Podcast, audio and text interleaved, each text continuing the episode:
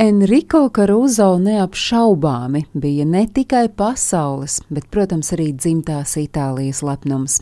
Viņš atzinību guvis Eiropas un Amerikas operteātros, kur dzīves laikā spēlējis vairāk nekā 70 dažādās lomās. Viņš ir arī leģendārs ar to, ka visvairāk reižu uzstājies prestižajā Ņujorkas metropolitēna operā un bijis viens no pirmajiem talantiem, kura balss ierakstīta skaņu studijās. Dzīves laikā viņš izdevis vairāk nekā 240 skaņu ierakstu, un arī tas palīdzēja kaldināt viņa pasaules slavu. Pasaule pirmo reizi Karūzo balsi izdzirdēja 1873. gada 25. februārī, kad dāsni un atvērti neapolieši Marcello un Anna Marija Karūzo pasaulē sagaidīja savu dēlu, kuram vārdu deva Eriko, kas esot vārda Enrico neapoliešu dialekta versija. Zēnu kristīja jau nākamajā dienā pēc piedzimšanas, iespējams tāpēc, ka Karūzo bija trešais no septiņiem Marčello un Annas Marijas bērniem un viens no trim, kurš izdzīvoja būdams zīdainis. Ģimene nevarēja sevi saukt par turīgu, tāpēc zēna izglītība aprobežojās ar pamatskolu, un par šo izglītības slieksni viņš var pateikties savai mammai, kura uzstāja, ka zēnam ir jāiet skolā.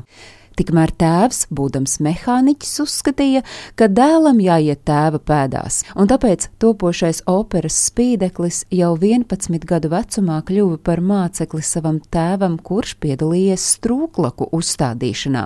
Un, starp citu, jau kļuvis slavens mūziķis, atgriežoties dzimtajā Neapolē, Enrico Caruso mīļu prāt norādījis, kuru tieši strūklaku palīdzējis tētim uzstādīt. Tas droši vien nevienam nav pārsteigums, ka mūzikai jau kopš agriem zēna gadiem piederēja Enrico sirds. Viņš jau agrā bērnībā dziedāja vietējā baznīcas korī, un viņa balss bija tik koša, krāšņa un daudzsološa, ka bijis vērts apdomāt dzīves saistību ar mūziku jau bērnībā. Kad pēkšņi viņsaulē aizgāja mamma, dziedāšanas talantu nācās likt lietā ģimenes iztikšanas nolūkos, un diezgan ilgu laiku Enrico uzstājās Neapolis ielās, vēlāk arī kafejnīcās, izklaidējot publiku vakariņu laikā. 18 gadu vecumā honorāru, ko bija nopelnījis dziedot Itālijas kurortā, viņš licis lietā, lai nopirktu sev jaunu apavu pāri. Viena no šādām koncertēšanas reizēm kļuva liktenīga. Talantīgo jaunieti pamanīja un uzaicināja uz noklausīšanos, un drīz Enrico sāka nopietni mācīties mūziku pie slavenā skolotāja un diriģenta Vincenzo Lombardi, kurš vēlāk organizēja jaunā izpildītāja debijas koncertus. Iesākumā tie bija arī restorānos un bāros, bet pakāpeniski Enrico ieguva popularitāti Viņa koncertus vienmēr apmeklēja liels skaits cilvēku, un pēc koncertiem, ko bija apmeklējuši slaveni itāļu kultūras pārstāvji, viņi piedāvāja dziedātājiem sadarbību, un tādējādi jaunais dziedātājs uzsāka ceļojumus pa dažādiem Itālijas opernamiem līdz 1900. gadā viņam līgumu piedāvāja slavenā Milānas Laskala, un jau tā paša gada 26. decembrī Karūzo debitēja Giacomo Puccini operā Bohēma Rodolfo lomā. Un droši var teikt, ka tieši tad sākās Karūzo kāpiens pa pasaules slavas kāpnēm.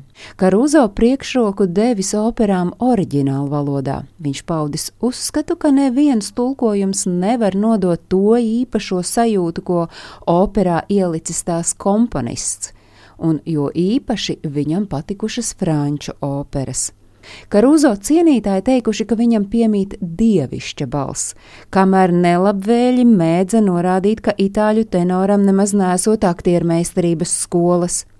Un vēl nianse, lai arī Karūzo bieži uzstājās Amerikā, angļu valodā viņš pratis tikai dažus vārdus. Neraugoties uz to, Allaž sveikā ticis cauri, izņemot vienu gadījumu, kad Krūzo informēts par kāda paziņas pēkšņu nāvi, un viņš esot priecīgi izsaucies, sakot lieliski, sveiciniet viņu no manis, kad satiekat.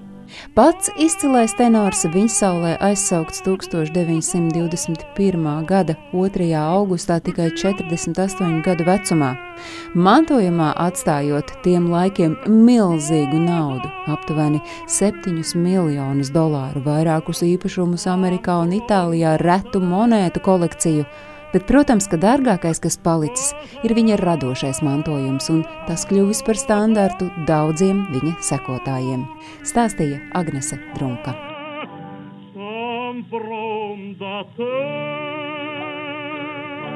From